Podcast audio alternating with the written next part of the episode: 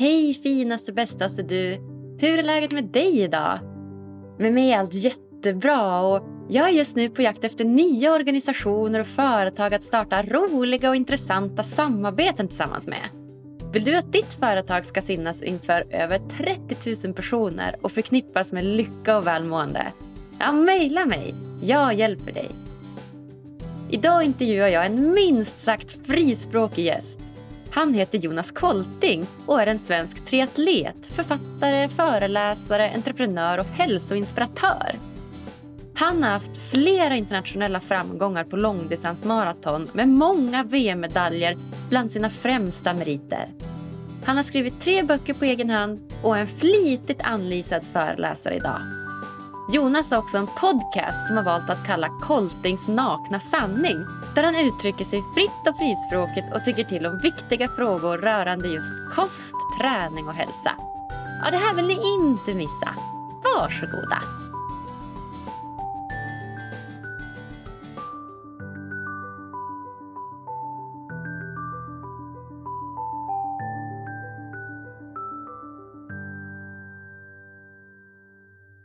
Varmt, varmt välkommen till Lyckopodden Jonas Kolting!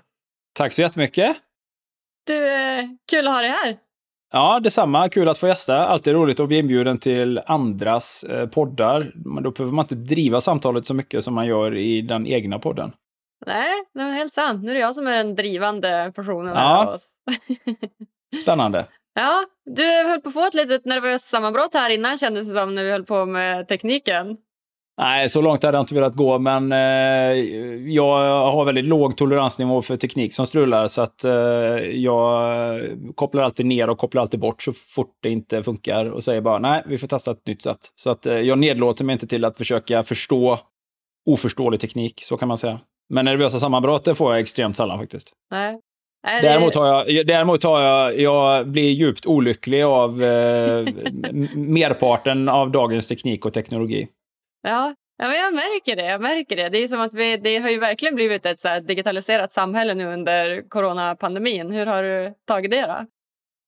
Nej, eh, ja, vad ska man säga, inte bra. Nej, men jag tror inte det är ju någon lycklig. Det, det, är, ju, man, det är ju patetiskt att tro att eh, Zoom-möten och liknande kan ersätta fysiska möten. Så att eh, den som hävdar det har ju väldigt dålig koll på vad det innebär att vara människa och sådär. Så att eh, eh, just den aspekten eh, tror jag är nästan löjlig att jämföra. Det är ungefär som att säga så här, ja men det finns ju aldrig något behov av att gå och titta på en livekonsert. Man kan ju titta på, ja, man kan ju kolla på Rolling Stones på YouTube. Och fattar man inte skillnaden mellan att se Rolling Stones live och att se dem på YouTube, då är man ju lite dum i huvudet faktiskt. Och då hjälper det nog inte att man förklarar. Så och så är det ju med väldigt mycket. Förstår man inte skillnaden mellan att ha ett fysiskt eh, möte två människor emellan eller en grupp människor och tro att Zoom-möten kan ersätta så det är ju visserligen praktiskt, exempelvis när vi gör det här, för att annars hade det ju krävts liksom en, en halv dag eller en hel dag eh, där någon ska resa till någon annan och då blir ju det kanske lite för svårt och då blir det inte gjort alls. Men eh, jag tror att om, vi, om man utgår ifrån ämnet lycka så tror ju inte jag att mer teknik, teknologi som är ersättning för det mänskliga mötet, perspektivet, kontakten det tror jag inte gör oss lyckligare, snarare tvärtom. Däremot är ju teknik, teknologi, digitalisering som underlättar våra liv är ju fantastisk. Eller där man kan dela kunskap, dela inspiration och så vidare. Men, Men eh, jag eh, tänker att eh, är det inte möjligt att istället för att byta ut ordet ersätta och lägga till ordet komplettera? Är det inte bra att kunna ha teknik som ett komplement nu under coronapandemin så har det varit kanonbra att vi har fått lära oss andra sätt att utveckla vår kommunikation. Ah, jag vet inte. Jag vet inte, om det var, jag vet inte om det fanns någon anledning att stänga ner den första möjligheten överhuvudtaget. Jag är, inte, jag är ingen förespråkare eller anhängare till de här restriktionerna överhuvudtaget faktiskt. Men eh, det är ju alltid bra där det finns kompletterande möjligheter om man också har möjligheten att välja. Eh, har man inte möjligheten att välja så är ju det betydligt sämre. Nu blir jag nyfiken på att höra vad du har, vad du, vad du har för åsikt när det kommer till coronarestriktionerna. Då. Du tycker inte att vi skulle Nej, skulle... livet skulle pågått precis som vanligt naturligtvis. Det finns ju, ingen, finns ju ingen som vinner på att människor förlorar arbetena, blir arbetslösa, sitter hemma, blir tjocka, blir alkoholiserade, slår sina barn, slår sina fruar, inte kan gå i skolan, inte kan gå till jobbet, inte kan röra sig, inte får gå till gymmen, inte skrämda, rädda, panikdrabbade och så vidare och så vidare. Det finns ju ingen poäng med det. Det kräver ju minst lika många dödsoffer och en enorm hälsoskuld För att inte tala om en ekonomisk skuld som det är faktiska dödsoffer. Dessutom bygger ju hela den mänsk det mänskliga systemet, inklusive immunförsvar, på att vi faktiskt utsätter oss för en normal belastning, vilket innebär kontakt med andra människor och så vidare. och Så vidare. Så att det finns ju mycket annat man skulle ha gjort, exempelvis och det har ju många andra det har ju många läkare påpekat, det här att istället för att ha 30 olika personer som jobbar timanställning i hemtjänsten, eh, fastanställa människor så att en vårdtagare bara träffar två personer och inte 32 personer på en vecka. Och så vidare och så vidare. Så det finns ju rätt mycket man skulle ha gjort tidigare. Inspirerat människor att gå ner i vikt istället för att passivisera människor när det var tydligt att överviktiga är en extremt stor riskgrupp och sådär. Men det är ett, ett riskperspektiv som allt annat. Moderna människor är ju liksom inte vi är inte vana vid riskkalkyler. Menar, vår, vi tror ju att vi blir lyckligare av, av att minimera risker och att ta bort allt som är farligt. Men mitt, jag anser ju att vi blir jävligt mycket olyckligare. När, alla, när livet blir för tryggt och bekvämt så blir vi väldigt olyckliga. Till slut återstår det ju bara att bubbelrappa sig själv och stanna inne och ha på sig hjälmen inomhus. För att allt annat är farligare. Allt annat är ju farligare naturligtvis. Så att allting Men, har ju en, risk, en riskkalkyl. Men om vi tänker nu att vi har ju faktiskt, vi är ju, har ju gått ett år här nu, över ett år mm. i den här eh, coronapandemin och det, det kan vi se var som helst. Alla länder har haft liksom olika typer av restriktioner. Men Precis. menar du då att vi inte borde haft några restriktioner överhuvudtaget utan att vi bara skulle leva på som vanligt för att andra typer av hälsosjukdomar är farligare än vad den här pandemin har varit?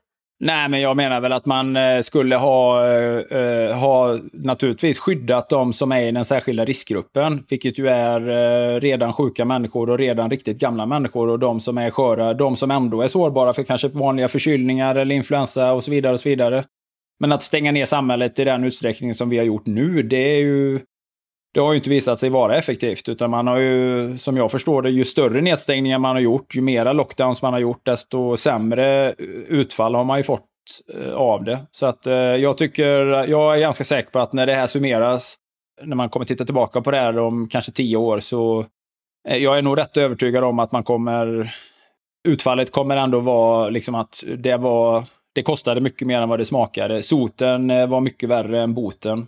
Redan nu så pratar ju WHO om att det är fler dödsfall på grund av restriktionerna än som har skett av, av faktiska sjukdomar. Så att, eh, ja, ja, kanske inte alla restriktioner har varit onödiga, men, eh, eller all information har väl inte varit onödig. Att eh, man kanske ska hålla avstånd och begränsa och tvätta händerna. Alltså, men det är ju ganska självklara råd ändå. Man, man står, man, men allting är ju väldigt liksom random. Vem säger att exakt två meter är rimligt? Vem säger att det får sitta fyra personer i ett bord, men att det får samlas andra människor i ett annat sammanhang. Vem, vem säger att alkohol efter klockan åtta är farligt på krogen, men Systembolaget får sälja på nya rekordnivåer? Och sådär. Ja, det finns mycket man kan kommentera kring det, men jag är ju generellt sett eh, väldigt eh, kritisk mot de här restriktionerna. Varför har vi förbjudit utomhusmotion, idrott, event som sker utomhus? Varför pratar vi om publikidrott, eh, men inte deltagaridrott? Varför har vi hindrat barn och ungdomar från att motionera. Varför stänger vi simhallar när vi vet att klorerat vatten dödar virus och så vidare? Det är så jävla mycket signal och symbolpolitik här som eh, jag inte håller med om. Wow, wow, det här hade vi kunnat ha ett eh, alldeles eget avsnitt av, tycker jag. Och, av, eh, och, och konsekvensen av det här är att när människor är rädda så blir de väldigt olyckliga. Rädda människor är olyckliga människor. Och om man låter rädslan ta fart och sprida sig och fästa så kan man vara rädd för allting. Och vi lever i den typen av samhälle nu där allting kan till synes vara farligt och det folk förväntar sig att livet ska vara helt ofarligt. Och livet är inte ofarligt, och åtminstone inte ett liv som är värt att leva. Det är väldigt få människor som inte kan tänka sig att köra bil fastän vi vet att hundratals människor dör varje år av, eh, i trafikolyckor och så vidare. Då. Så att ändå är det ju förbluffande att människor står i kö för att köpa lösgodis när vi vet att hjärt och kärlsjukdomar är den främsta dödsorsaken som, som finns. Så att eh, det är ganska intressant. Och tittar man på män i min ålder, eller ja, någonstans män mellan från tonåren upp till 40 tror jag, så är faktiskt självmord den eh, vanligaste dödsorsaken. Så att det är uppenbart att även om vårt samhälle kanske i många avseenden blir tryggare och säkrare och mindre farligt och mindre, mindre obekvämt, så innebär inte det att människor blir lyckligare för det. Så att jag är ganska säker på att en viss form av naturlig utmaning i livet eh, och eh, framförallt ett stort mått av individuellt ansvar och individuell valfrihet är förutsättningen för att man också ska vara lycklig. Mm. Ja, men nu tycker jag börjar komma in på någon viktig poäng här när det kommer till just eh, sjukdomsbilden och vad som faktiskt gör människor olyckliga idag. Det, det håller jag med om. Och Nej, men alltså, tänk, alltså, men, vi har ju ett immunförsvar som hanterar saker och det, visar, alltså, det är ju ganska tydligt. Vi, vi ska inte snöa in på det med corona, för det finns tillräckligt många som uttalar sig, men vi kan, vi kan ju liksom inte bestrida att vårt naturliga immunförsvar är väldigt viktigt och eh, för i princip alla relativt sett normalfriska människor som inte lider av metabol ohälsa eller som inte har någon redan eh, befintlig sjukdom eller som inte är liksom utsatta på det sättet. Alltså, man har inte gjort en njurtransplantation och så här. Så är det ju extremt få som blir allvarligt sjuka och än färre är ju det som dör. Uppenbart är det ju liksom vårt immunförsvar klarar av att hantera det. Och det kanske är rimligt att det ska vara på det sättet, men om vi börjar att urholka det immunförsvaret, ja då blir vi ju inte tåliga för någonting. Och det är ju precis samma det är så, så är det ju med allt annat. Jag menar, om inte vi tränar våra kroppar rent fysiskt, om vi bestämmer oss för att vi inte ska gå upp ur sängen, nej, men då kommer det ju tids nog vara svårt att ställa sig upp och ännu svårare att gå. Det är för att vi har liksom passiviserat en naturlig förmåga. Så att, eh, ja, nej, men jag är rätt mycket emot det som vi har sett det senaste året. Inte minst vad de konsekvenser vi kommer se när det gäller psykisk ohälsa och fattigdom och utsatthet och utslagning. Alltså att människor blir utslagna och sådär. Det drabbar de sämst rustade från början ja, vi kommer se rätt mycket konsekvenser av det här, tror jag, tyvärr. Mm. mm. Ja, men det, jag hör det absolut. Eh, det är många som pratar om att eh, första vågens corona har kommit, andra vågens corona har kommit och tredje vågen kommer ju då vara den psykiska ohälsan och depressionerna ökar. Så att, eh, Ja, jag hör dig. Helt sant. Ja, men sen, sen är det ju fler saker med. Jag menar, vad blir nästa läge då? Nästa läge, det kommer ju alltid komma någon ny influensa och nästa år kanske det kommer en vanlig säsongsinfluensa. Vilken standard ska vi hålla då? Är det meningen att vi ska gå ner i lockdown då? Ska vi liksom ta på oss munskydd? Är det så här, oj, nu gäller ju de här reglerna. Ska vi liksom förvänta oss och acceptera att staten ska begränsa våra liv och säga till oss vad vi ska göra och så vidare då? Inte jag i alla fall. Jag är helt emot det. Jag hatar den här pandemilagen och det här överförmynderiet och det här, jag skulle vilja kalla det för statlig, eh, statlig, eh, inte mobbing, men på engelska säger man en bullying.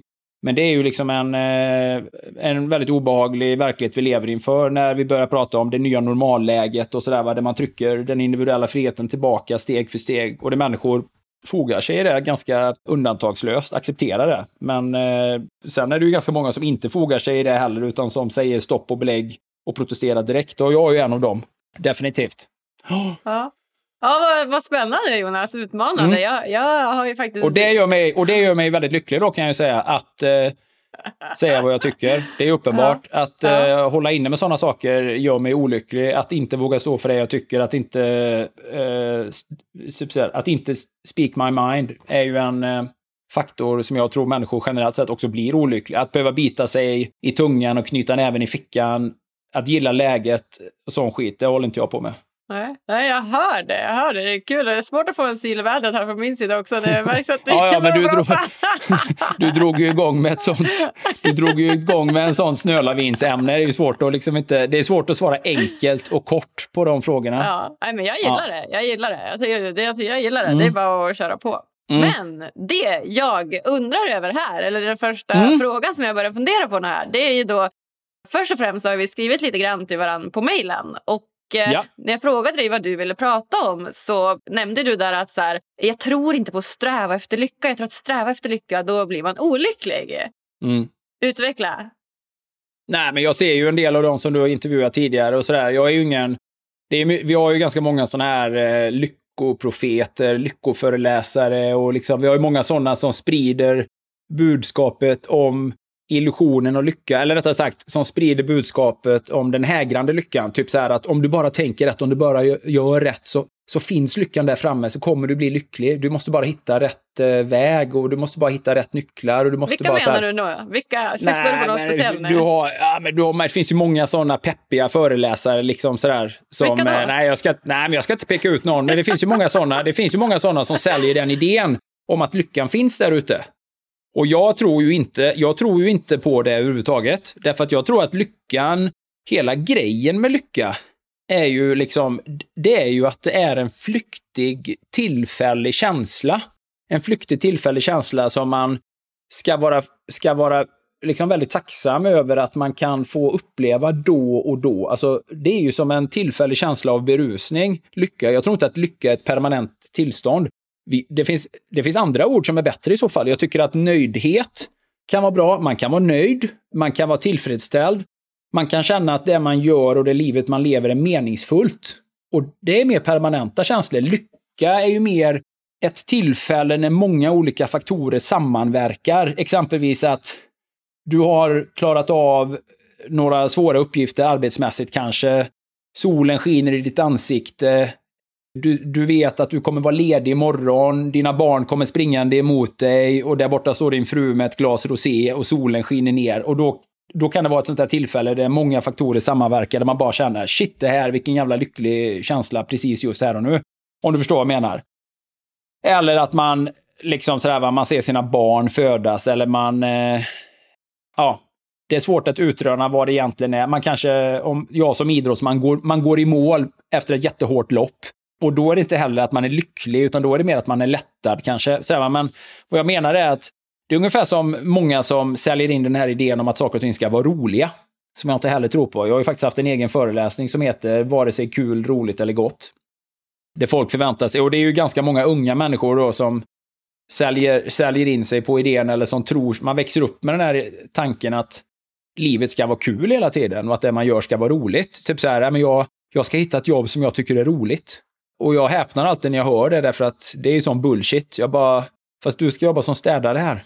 Du får tycka om det eller inte, men det är jobbet och någon behöver göra det. Och du är 19 år, så vad fan tror du? Tror du att du ska bli influencer och få betalt för att posta på Instagram eller? Nej, du ska, du ska städa här. Och det är det du får betalt för. Roligt eller inte, det är jobbet. Gör det bra så kommer det kännas meningsfullt. Så att det är så många som blir liksom, det är så många som har orealistiska förväntningar på livet. Ja, jag, jag tänkte jag skulle börja springa, men det var inte kul. Uh, nej, vem fan har sprungit för att det är kul? Det är ingen som springer för att det är kul. Jag det är springer inte för att det är kul. Jag nej, springer men för att använder... jag tycker att det är kul. Nej, det gör du inte. Det gör du inte. För att du springer, du springer inte omkring och... Nej, det gör du inte. För det är inte kul i samma kontext som det är kul att kolla på om du kollar på kanske Seinfeld eller om du kollar på en stand-up. Alltså det är inte... Det, jag eller, tycker att du är ute och springa är betydligt mycket roligare än att kolla på tv. 100 Okej, procent. men- Ja, okej. Men, men du springer ju inte omkring och skrattar, eller, för då är du den första personen som jag känner som har gjort det. Ja, men Däremot- att vara glad All- behöver inte betyda att man springer runt och skrattar. Jag springer, jag är ju andfådd, men jag tycker det är superkul, superskönt. Jag känner mig nöjd, jag känner mig lycklig när jag är ute och springer. 100 Ja, men jag- procent. Ja, men jag hade nog... Ja, okej, jag, jag, jag förstår. Men det är det. Problemet är att de här orden är väldigt överanvända. Men jag, jag, jag, förstår, jag förstår precis vad du menar, så jag ska inte låtsas som att jag inte fattar vad du, vad du säger. För jag, jag, först, jag känner samma. Jag kan väl också så här, känna mig väldigt avslappnad och fri och väldigt så här, samstämmig med kropp och själ och hela grejen. Men jag skulle vilja säga att det är mer en känsla av sammanhang och att det, känns väldigt meningsfullt att springa och det känns väldigt tillfredsställande. Men det hade ju alltid varit roligare att bara sitta hemma och läsa en eh, härlig bok eller att liksom göra någonting som är underhållande och som inte är- är fysiskt ansträngande om du förstår vad jag menar. Men, Nej, jag håller inte med. Jag tycker att det är Ah, betydligt okej. mycket roligare att göra aktiva saker än att sitta hemma och kolla på tv eller läsa en bok. Det är betydligt Jo, mycket roligare att göra alla typer av fysiska aktiviteter istället för att sitta hemma. Ja, men i verkligheten är det ju så här om man har två barn och ett företag och så vidare så är det så här, okej, jag, ska- jag, jag, jag, jag vill springa. Det är den personen jag är. Det är meningsfullt för mig. Så jag behöver ställa klockan på klockan sex här nu. Och så behöver jag gå upp och så regnar det ute. Jag skulle inte vilja säga att det är roligt direkt om du förstår vad jag menar. Men det är, det är väldigt meningsfullt och väldigt tillfredsställande. till. Det kan jag relatera till, absolut. Så det, är den- det, det är den kontexten jag menar att mycket av det som gör oss till det vi är och mycket till det som vi gör yrkesmässigt, som vi kan känna stolthet över. Mycket det som vi gör i en familj. Jag menar, jag är ju tvåbarnspappa. Det är underbart att vara pappa.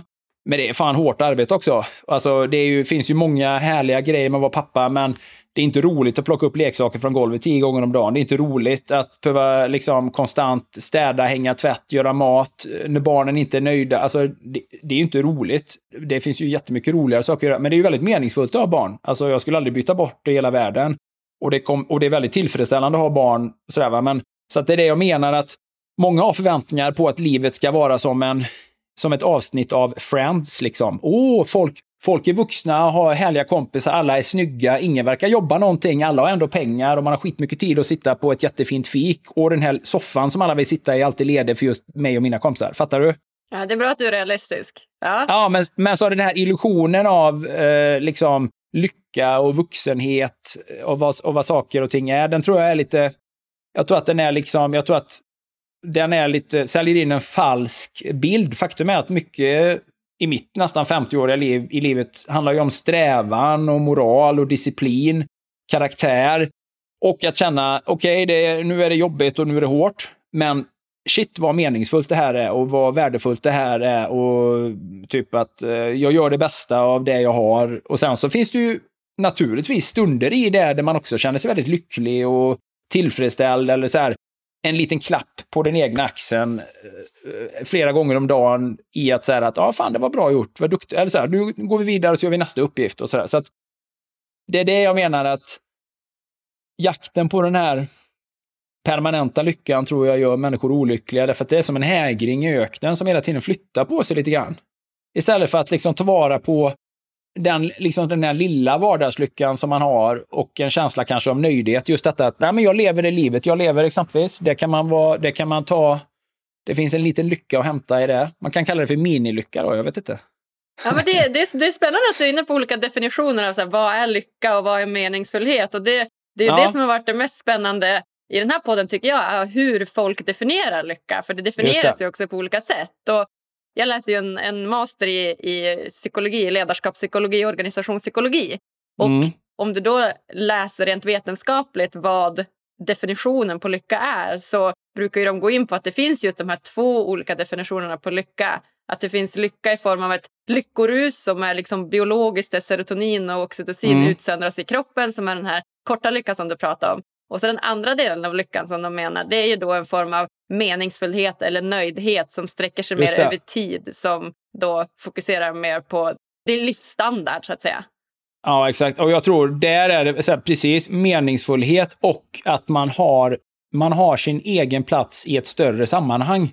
Man har sin egen plats i en, alltså kontexten av det livet man lever. Man har ett sammanhang i det lilla sammanhanget med familjen och de, och de närmaste vännerna, men kanske också i det större sammanhanget, alltså den rollen man spelar i, i den community När man lever, i samhället där man bor, i staden där man bor, yrket man har eller verksamheten som man bedriver, eh, socialt eller politiskt engagemang som man har, hjärtefrågor som man driver och är engagerad i, men också det här friheten som man ska kunna känna då. Det som jag pratade om alldeles nyss då. Friheten att kunna uttrycka sig och våga uttrycka sig. Eller att ha ett forum för uttryck.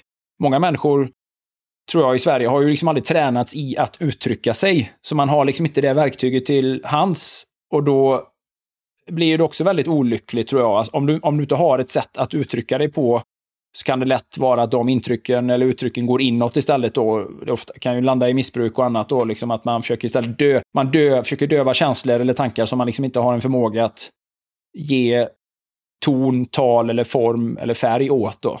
Så att just att man har, att man har utvecklat någon form av verktyg för att uttrycka tankar, idéer, känslor på. Det är också en del i det här sammanhanget, kontexten, meningsfullheten. Då. I mitt fall, jag tycker om att skriva och jag tycker om att prata. Jag är ju helt kass på att rita och måla, så det är tur att inte det är tur att de här två andra delarna finns då.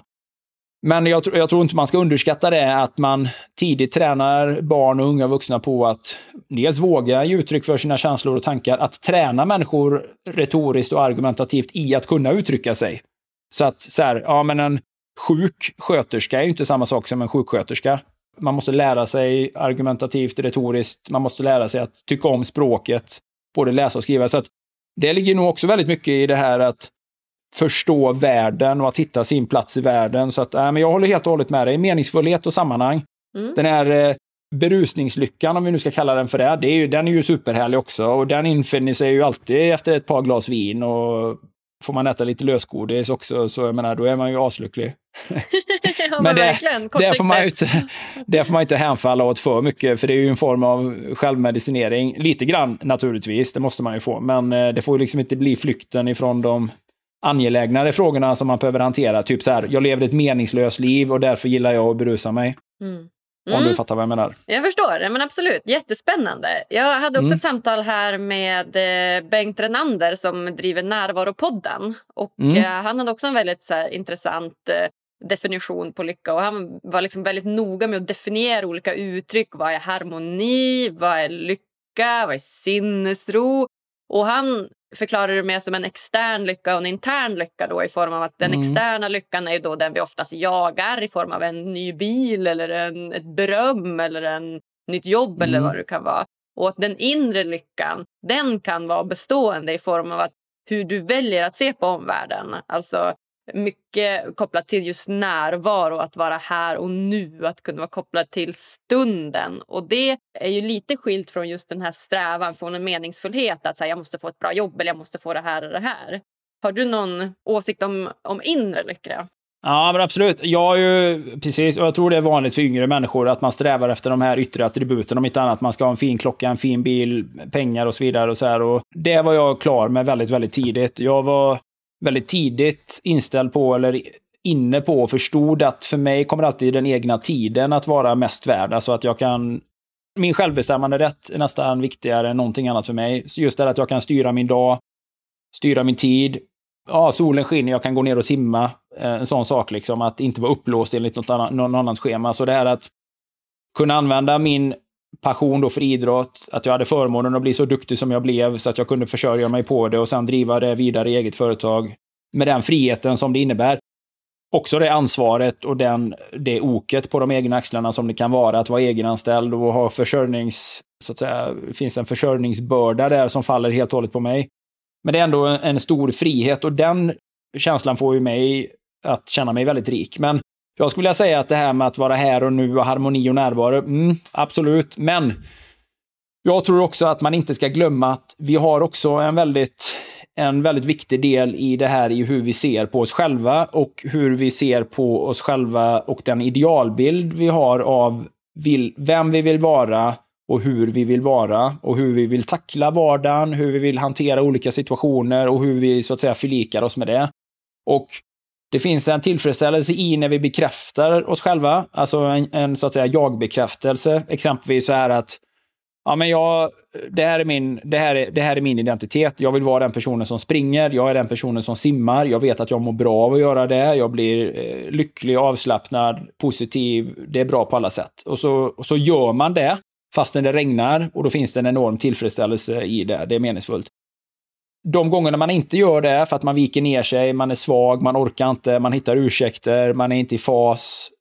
Då blir man ju liksom väldigt besviken på sig själv eh, i sammanhanget. Jag blir det definitivt. Ja, men ibland måste, ja, men alltså, det, det beror på hur hård du är med dig själv. Om du säger till dig själv att du ska simma tre timmar varje dag och sen är det att någon dag säger nej vet du vad jag orkar inte idag. Kan du inte känna att så här, var snäll mot dig själv och säga åh jag lyssnar på min kropp, jag orkar inte idag, jag tar imorgon istället. Finns det ingen sån jo, jo. känsla? Ja, ja, imorgon är det ju ett annat pass. Imorgon är ju morgondagens pass. Idag är idag. Man kan ju aldrig ta igen det som är idag. Men jag fattar. Men jo, hoppa jo. över det då? Ja. Jo, jo, det är absolut. väl inte hoppa över det ja. någon gång?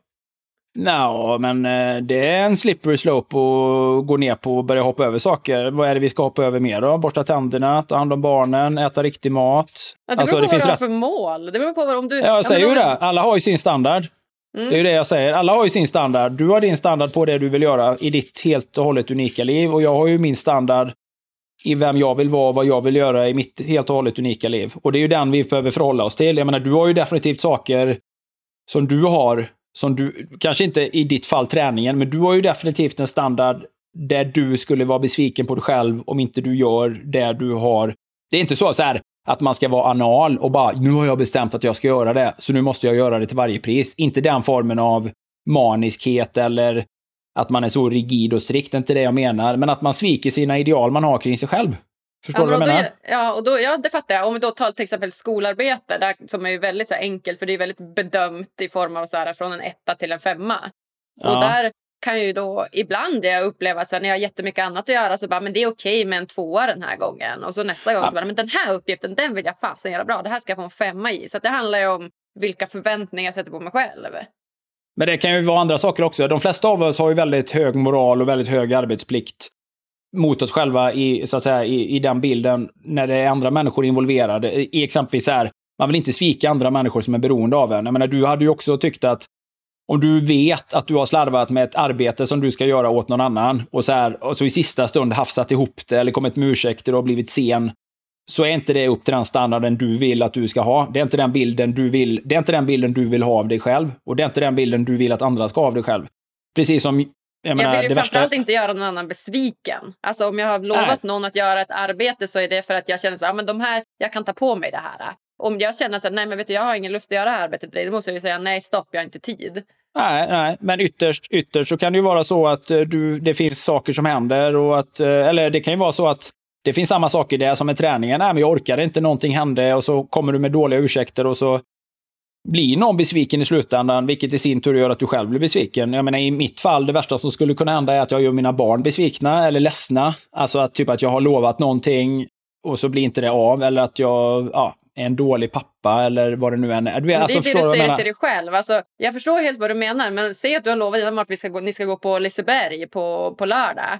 Och sen eh, plötsligt så händer det något. Du bryter båda benen. Ja, ja. Och, ja, ja det är, klart det är ju en annan femma.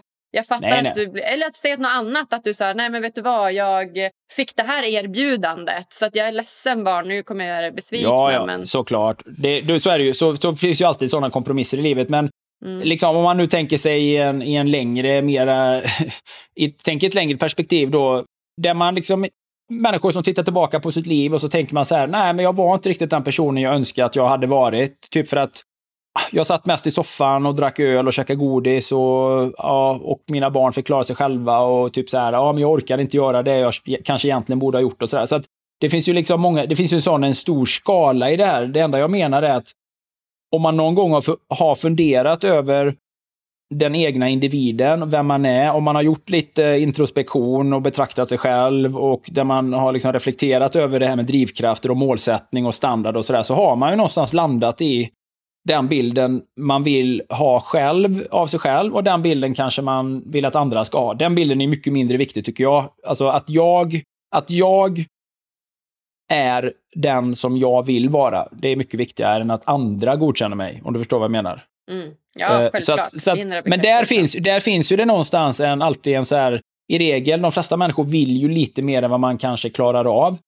Och det har väl kanske blivit en ganska intressant företeelse också i vårt samhälle, det här med att människor ska vara duktiga på så himla många olika plan. Man ska sköta sitt arbete och så har man en partner och man har barnen och så ska man ha en fin trädgård och sen så ska man ju tänka på miljön och man ska vara, man ska vara en snäll människa och sen ska man sopsortera och sen så ska man Träna och Ja, träna. Och... Ja, så ska man ta hand om barnen, men så ska man vara engagerad och vara ledare på idrotten. Och så ska man posta fina bilder som eh, strålar av lycka och symfoni eller harmoni på, på Instagram. Ja, exakt. Och så, ja, så att det är ju alltid det här. Så att det finns ju så många olika roller att spela. Det finns så många olika liksom, rutor som man ska bocka av där på vägen. Som kanske blir lite svårt och lite övermäktigt. Så att just den här diskussionen med en själv, och det är jag säker på att vi som springer, både du och jag, vi vet ju att man, man, hanter, man avhandlar ju ganska mycket sånt just när man är ute och motionerar. Man landar i olika saker och så här, va? Och jag, är ju inte, jag har ju ställt in tusen träningspass i mitt liv minst. Jag är ju hela tiden förhand, man gör ju hela tiden förhandlingar och många gånger får man ju liksom stryka sånt som man hade tänkt att göra. Men, och, och, och det är ju rimligt, för att den delen måste man ju få ha och säga så här, nej, för att det är viktigare att jag åker hem och är med mina barn. Och jag var tvungen att svara på det här mejlet och nu var jag tvungen att spela in den här podden. Och sen vill jag vara med mina barn, så att ja, det blev ingen träning i eftermiddag. Och det är jag ju fine med, därför att det är en prioriteringsordning som jag har bestämt.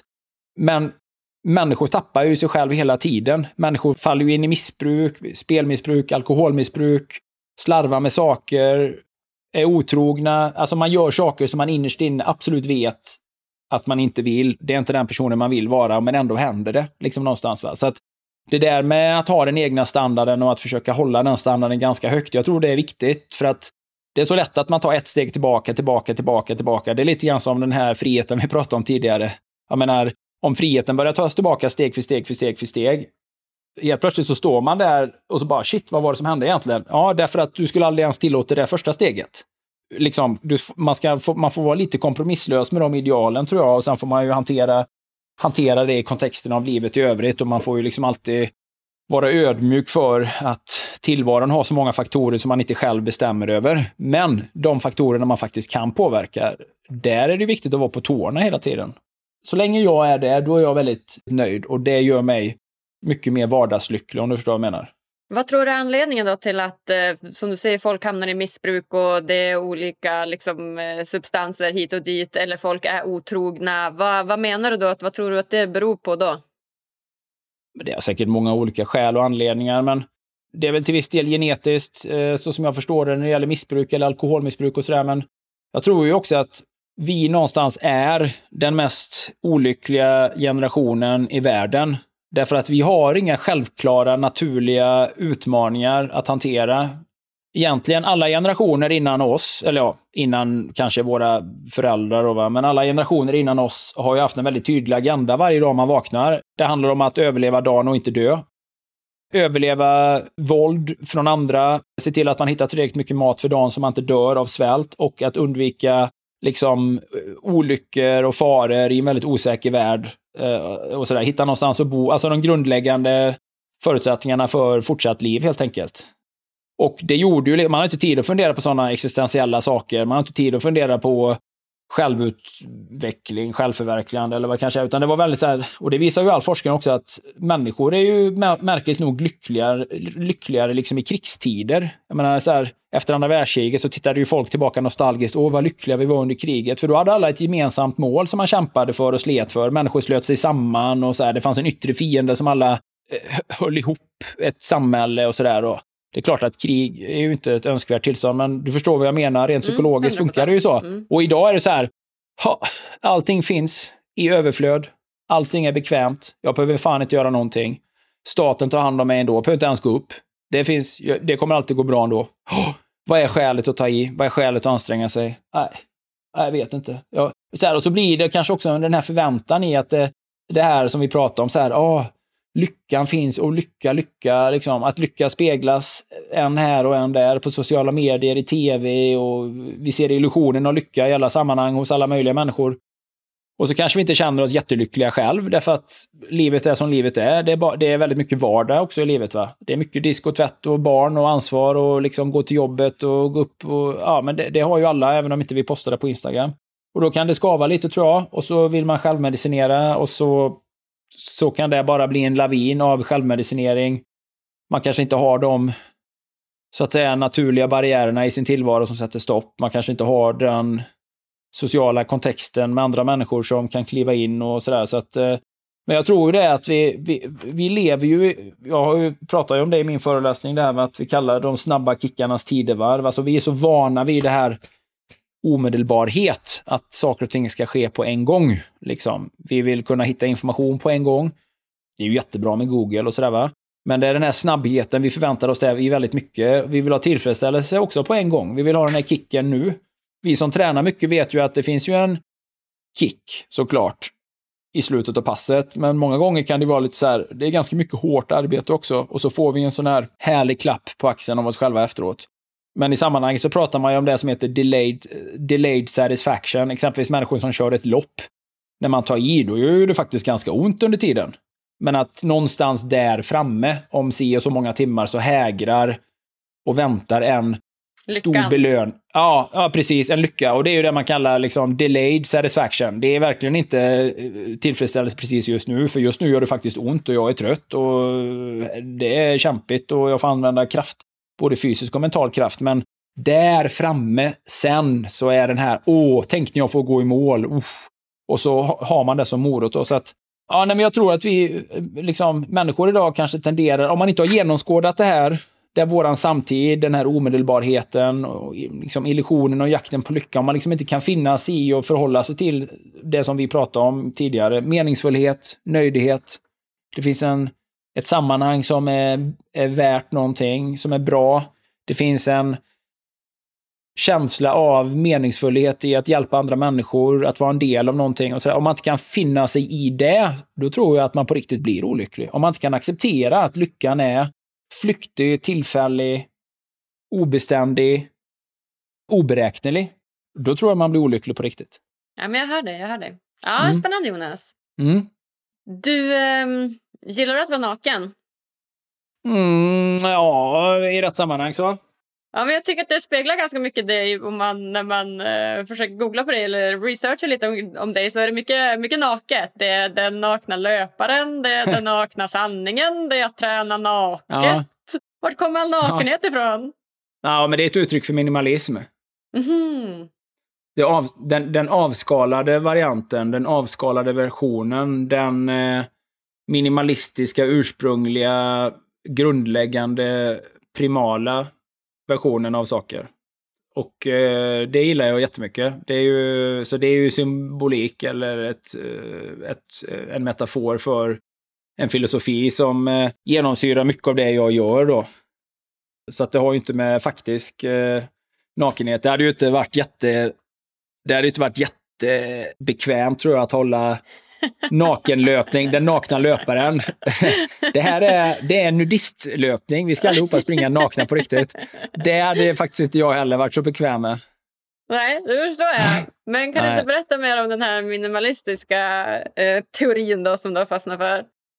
Nej, men jag tror att eh, åt, alltså, återigen, det är ju i kontexten av världen vi lever i nu, att väldigt mycket är kom, konstruerat och komplicerat och man gör saker onödigt svåra. Eh, allt ifrån eh, träning till, till mat, till att koppla av, till sammanhangssyfte. Alltså, jag tror ju att vi är väldigt grundläggande, framförallt väldigt gamla varelser. Alltså vår biologi är väldigt gammal och även om världen har förändrat sig oerhört snabbt på väldigt kort tid så har vi väldigt grundläggande behov fortfarande. Vi kan försöka lura oss själva, men jag tror inte det är så meningsfullt. Jag menar, vi, vi, vi är som andra biologiska varelser som kräver grundläggande vanor varje dag. Vi behöver få motion, och vi behöver äta rätt sorts mat, vi behöver, vi behöver ha natur omkring oss, vi behöver ha frisk luft, vi behöver ha kontemplation, vi behöver ha, vi behöver ha alla de delarna, vi behöver ha dagsljus. Alltså, det är ganska så här, det finns ett, ett, ett väldigt tydligt blueprint för hur eh, vi behöver ta hand om oss själva, anser jag. Och eh, idag har vi lite grann glömt det. Alltså, och så slår vi knut på oss själva i att försöka hitta svar på frågor som i grund och botten är väldigt enkla. Jag menar, om du sitter inomhus, äter skräpmat, röker, dricker massa energidryck, kollar på TV, och så går du till doktorn för att du inte känner dig i slag, vare sig fysiskt eller psykiskt. Då är ju inte det en jättesvår ekvation att lista ut var, var i problemet ligger, åtminstone inte för mig. Och då kan man ju försöka medicinera bort det, eller så kan man ju säga så här, ja, ah, du kanske bara ska försöka att gå ut och gå 30 minuter varje dag i skogen. Och så får vi se om inte det kanske hjälper. Och sluta äta så mycket socker och sluta sitta och titta på tv på nätterna och så vidare. Så att många gånger är det ju så här att vi missar väldigt många av de här grundläggande aspekterna av att vara människa och så har vi liksom inte riktigt förstått vad som krävs. Och det är det som den här nakna, ordet naket i den filosofin kommer in då. Den nakna löparen. Ja, men man kanske inte behöver all modern utrustning. Man kanske inte behöver de senaste Nike-skorna med massa inbyggda funktioner. Man kanske inte behöver den senaste GPS-sportklockan. Alltså, man kan ha det. Men man behöver inte ha det. Det är ingen förutsättning för att kunna njuta av löpning. Det räcker faktiskt med bara kroppen och ett par shorts. Ska man springa barfota på gräs eller på en sandstrand exempelvis. Va? Så att man kanske inte behöver göra jättekomplicerade maträtter. Det kanske är så att naturen har tillhandahållit väldigt mycket självklar mat för oss som, som eh, är ganska enkel att tillaga med ett minimum av ingredienser och så vidare. Så att och så vidare och så vidare. Jag tror att det finns många enkla svar på väldigt svåra komplicerade frågor. Eller, eller frågor som många försöker göra komplicerade. Så att, är du med på vad jag menar? Mm, 100 procent, jag fattar. Ja. Det är lite tough love när det kommer till det här med att gå 30 minuter om dagen istället för att sitta inne och se på tv. Men jag, jag håller helt med dig. Det, det är ju många som har visat att mild och eh, måttlig depression botas ju lika bra via träning som via ett piller. Så att, eh, jag ja. är helt med dig. Nej, men tänk dig själv. Tänk dig, det är det jag menar också med det här med lockdowns och restriktioner och liksom så här rädsla för att gå ut, rädsla för att träffa andra människor. Men du kan ju ta vilken välfungerande, harmonisk människa som helst och så passiviserar du den människan eh, och hindrar honom från att gå ut eller i alla fall kraftigt begränsa förutsättningarna för exempelvis, ja, motion är ett väldigt bra eh, exempel, men också utomhusvistelse. Vilken normalfungerande eller till och med högfungerande lycklig människa skulle bli olycklig på ganska kort tid? Alltså, att... Jag förstår vad du menar och jag förstår vad du menar med de här restriktionerna, att det begränsar vår frihet. Samtidigt som så här, jag har ändå ett förtroende för dem, alltså Tegnell och alla de här som är liksom högutbildade inom ämnet. De försöker ju göra så gott de kan. Det är klart att det är svårt att jämföra för vi har inte riktigt något att jämföra med. Men under en period så tycker ja, jag att det är okej okay med en begränsning för att minska en pandemi. Det tycker jag. Jag har aldrig, jag har aldrig, vem har röstat fram Anders Tegnell? Han är inte, han är inte, han, han är, är förtroendevald. Han är, han är förtroendevald. Han är statstjänsteman bara. Han sitter, det är vår regering, det är våran regering som ska ta besluten. Ja, men han är ju en som de har anlitat för att ta de här besluten eftersom att han har ju hög kunskap om det här. Han är ju väldigt utbildad på ämnet. Jo, men han ser ju det på, han ser ju det på, ja, vi ska inte snöa in på det med corona, men han ser ju på, han ser på hela situationen från bara sitt håll. Ett samhälle är ju hundra svåra frågor som ska hanteras samtidigt. Han ser ju, han ser ju på, på samhället enbart utifrån sitt perspektiv. Nej, inte bara tjänster. hans perspektiv. Han har, ju, han har ju fått ett uppdrag. Han, det är klart att han överväger med andra också, andra kunniga människor. Och de, det är ju en demokrati. Det är inte så att han sitter på någon diktaturisk kraft och bestämmer allt själv och alla håller inte med. Utan det är ju faktiskt kunniga människor som har tagit de här besluten. Sen kan jag inte säga att det är rätt beslut. Det är många länder som har gjort annorlunda. Thailand till exempel, de har ju bara 60 dödsfall totalt eller vad det är. Så det går säkert att göra saker annorlunda, det säger jag inte. Men en kort begränsning tycker jag är okej för att försöka minska en pandemi. Jo, jo, men jag menar att alla, alla som sitter på sina specialområden, jag menar de som sitter på chefer för eh, svenskt näringsliv, de ser ju det utifrån sitt perspektiv, utifrån sina uppdragsgivare. Anders Tegnell jobbar ju på Folkhälsomyndigheten. Han har ju det uppdraget att titta på, på det här från sitt perspektiv. Och sen någonstans är det ju regeringen som ska ta beslutet. De ska ju ta in överväganden från alla olika instanser och sen ska ju de ta besluten. Nu känns det ju det som att det är Anders Tegnell som själv har hållit i, liksom, eh, hållit i spakarna. Det, men det, det, vi ska inte snöa in på det. Nej, vi har ju haft vi vet ändå inte relativt... vad som pågår vi, där ja, nej, var, Min poäng var dörrar, bara så här att lockdown eller inte, eller vad det nu än må vara, men om du tar möjligheten, om du nu på något sätt på något sätt passiviserar människor. Om, om du och jag skulle bli inspärrade någonstans i något sammanhang där vi inte får gå ut och röra oss, vi inte får se frisk luft. Även om vi mår bra nu så hade vi ju mått skitdåligt om sex veckor. Så att det är det som är grejen. Och Många lever ju det livet helt frivilligt. Ja, de sitter inne och de är uppe hela nätterna. De är aldrig ute och promenerar, de är aldrig ute i naturen, aldrig ute i skogen. Och sen undrar de varför de mår dåligt. Det är det jag menar, att någonstans har den, den intuitiva förståelsen för vad som håller en människa frisk, eh, någon form av liksom så grundläggande salutogent perspektiv, tror jag är lite grann berövat.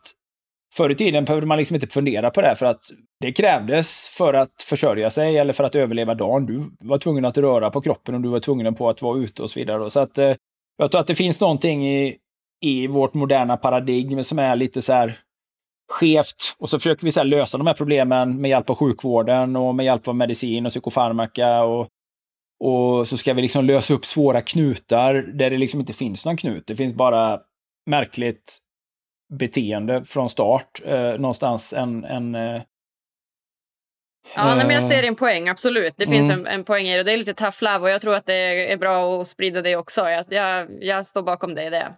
Ja, det är inte så mycket tough love heller, för jag har full förståelse för människor som har hamnat snett i tillvaron. Eller, jag menar, och, och har man någonstans börjat må dåligt så är det ju liksom inte bara... Jag skulle aldrig vara den som säger så här, ja, det är bara att rycka upp sig och komma igång. För jag förstår att det finns eh, betydligt eh, liksom, större uppförsbackar i tillvaron och att det kan finnas många trauman och liksom, problem. Så att jag är väldigt ödmjuk inför människors eh, respektive liv och så. Men däremot tror jag att det är väldigt bra med tydlighet och ärlighet i sammanhanget och att jag tror inte att någon görs en tjänst om man försöker att liksom, vad ska man säga, så att, att man försöker att undanhålla sanning eller verklighet. Jag tror inte att någon patient är behjälplig av att en läkare säger ja, vad du behöver. Ja, just det, du mår dåligt för att du har fått för lite psykofarmaka i ditt liv. Nej, däremot att säga så här, du mår dåligt för att du har fått för lite frisk luft och motion och eh, solljus och natur i ditt liv. Det hade varit mycket ärligare, mycket mer och det tycker inte jag är så mycket tough love, utan det är mer en,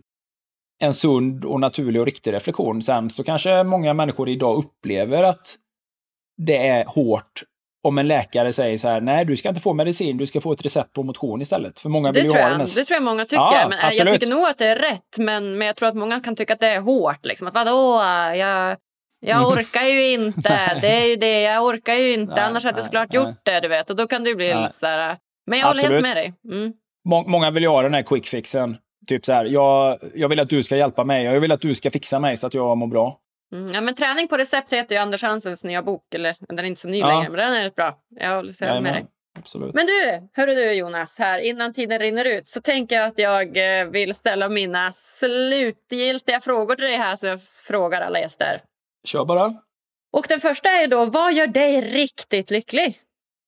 Mm, det var en bra fråga. Vad gör mig riktigt lycklig? När jag är med mina två små pojkar, då är jag riktigt lycklig. Eller rättare sagt, då är livet riktigt meningsfullt åtminstone.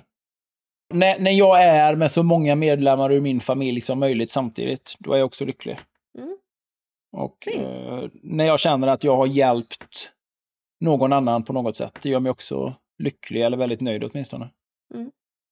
Vackert. Ja. Om, eh, om du fick ge lyssnarna en utmaning då, som eh, de kan göra varje dag för att bli lite lyckligare, vad skulle det vara då? Då skulle jag säga så här att försök att komma ut i naturen och försök att göra det i någon form av relativ tystnad och försöka att landa någonstans i de egna tankarna. Alltså det här som vi brukar kalla för kontemplation kanske. Där man har tid att höra på sina egna tankar. För att väldigt mycket är ju det så att vi, vi inte har eh, vi har så mycket brus i vårt medvetande så att vi inte hör våra egna tankar. Får vi komma ut och motionera lite grann en stund i tystnad så tror jag det spelar stor roll. Mm, vackert. Absolut. Ja. Det är någon slags meditativt tillstånd också ju. Att så här, Ja. göra i tystnad. Det gillar jag att du får in Absolut. det också här i träningen. King. Ja. Ja. nej. Om man vill komma i kontakt med dig, hur gör man då? Då kan man gå in på eh, kolting.se, min hemsida. Och vill man titta på mina sociala medier så heter jag precis eh, det som jag heter. Det heter alltid Jonas Kolting på Instagram och på Facebook. Eh, Jag har en liten YouTube-kanal som jag inte postar så frekvent på, även om vi faktiskt la upp en film häromdagen. Och sen har jag ju min podd som heter Koltings nakna sanning. Den är lite naken då. Men Vi sitter bara väl- nakna och pratar med varandra.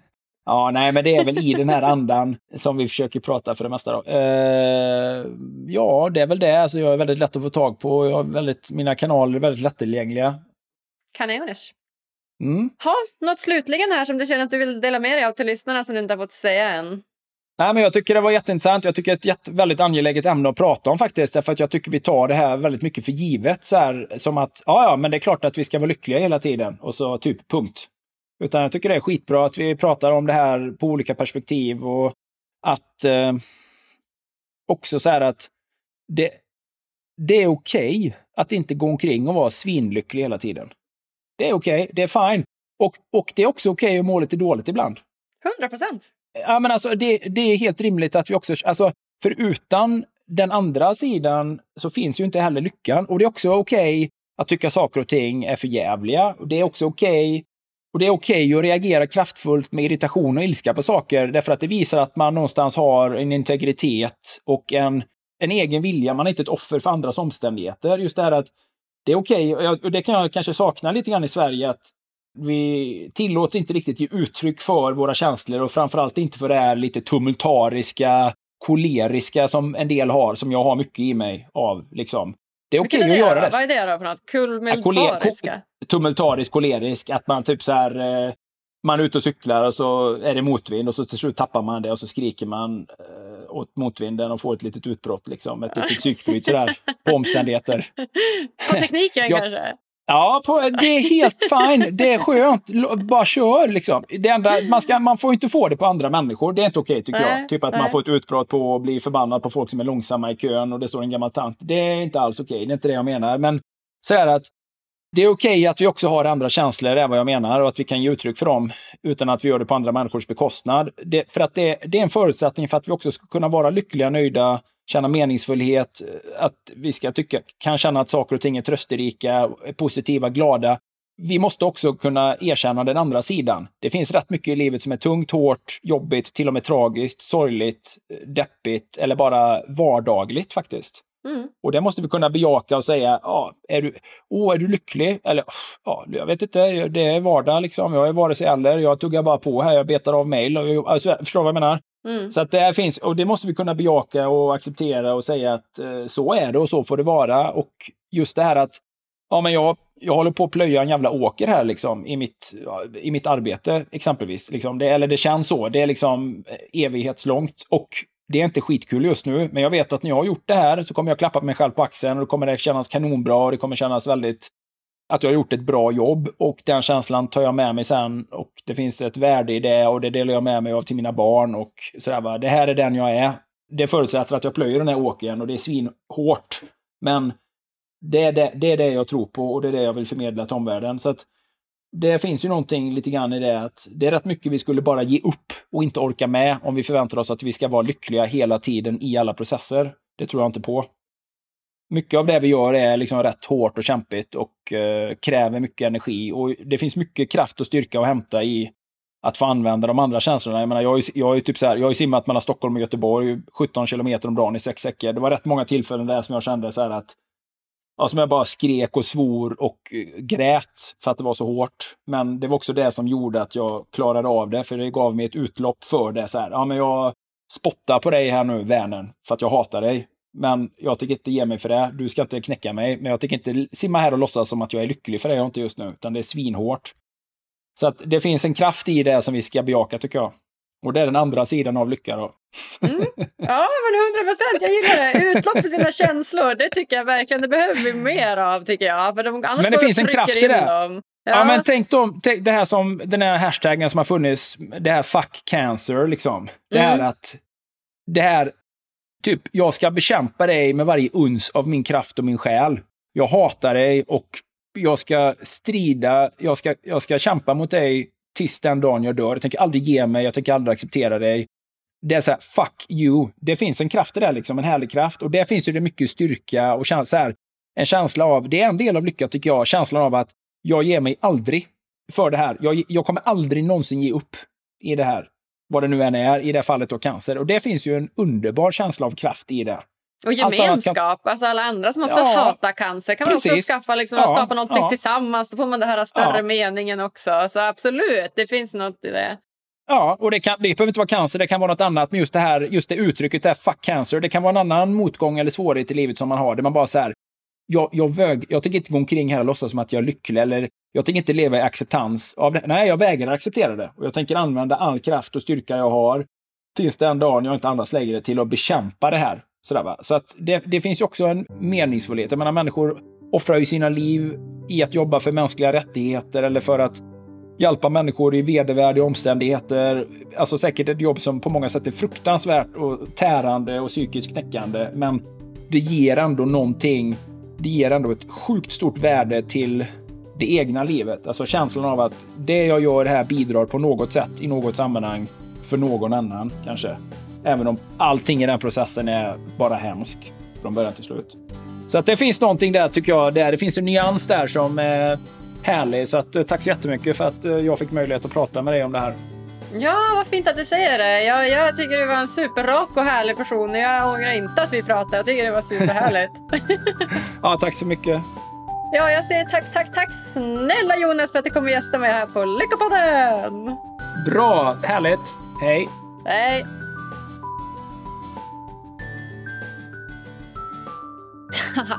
Gud vilken het energi det var det där samtalet. Så himla kul. Jag gillar det. En sån inspirerande och frispråkig man han är Jonas. Och du kära lyssnare. Om du tycker den här podden är lika bra som jag så önskar jag av hela mitt hjärta att ni går in på iTunes eller Podcaster och klickar i prenumerera-knappen.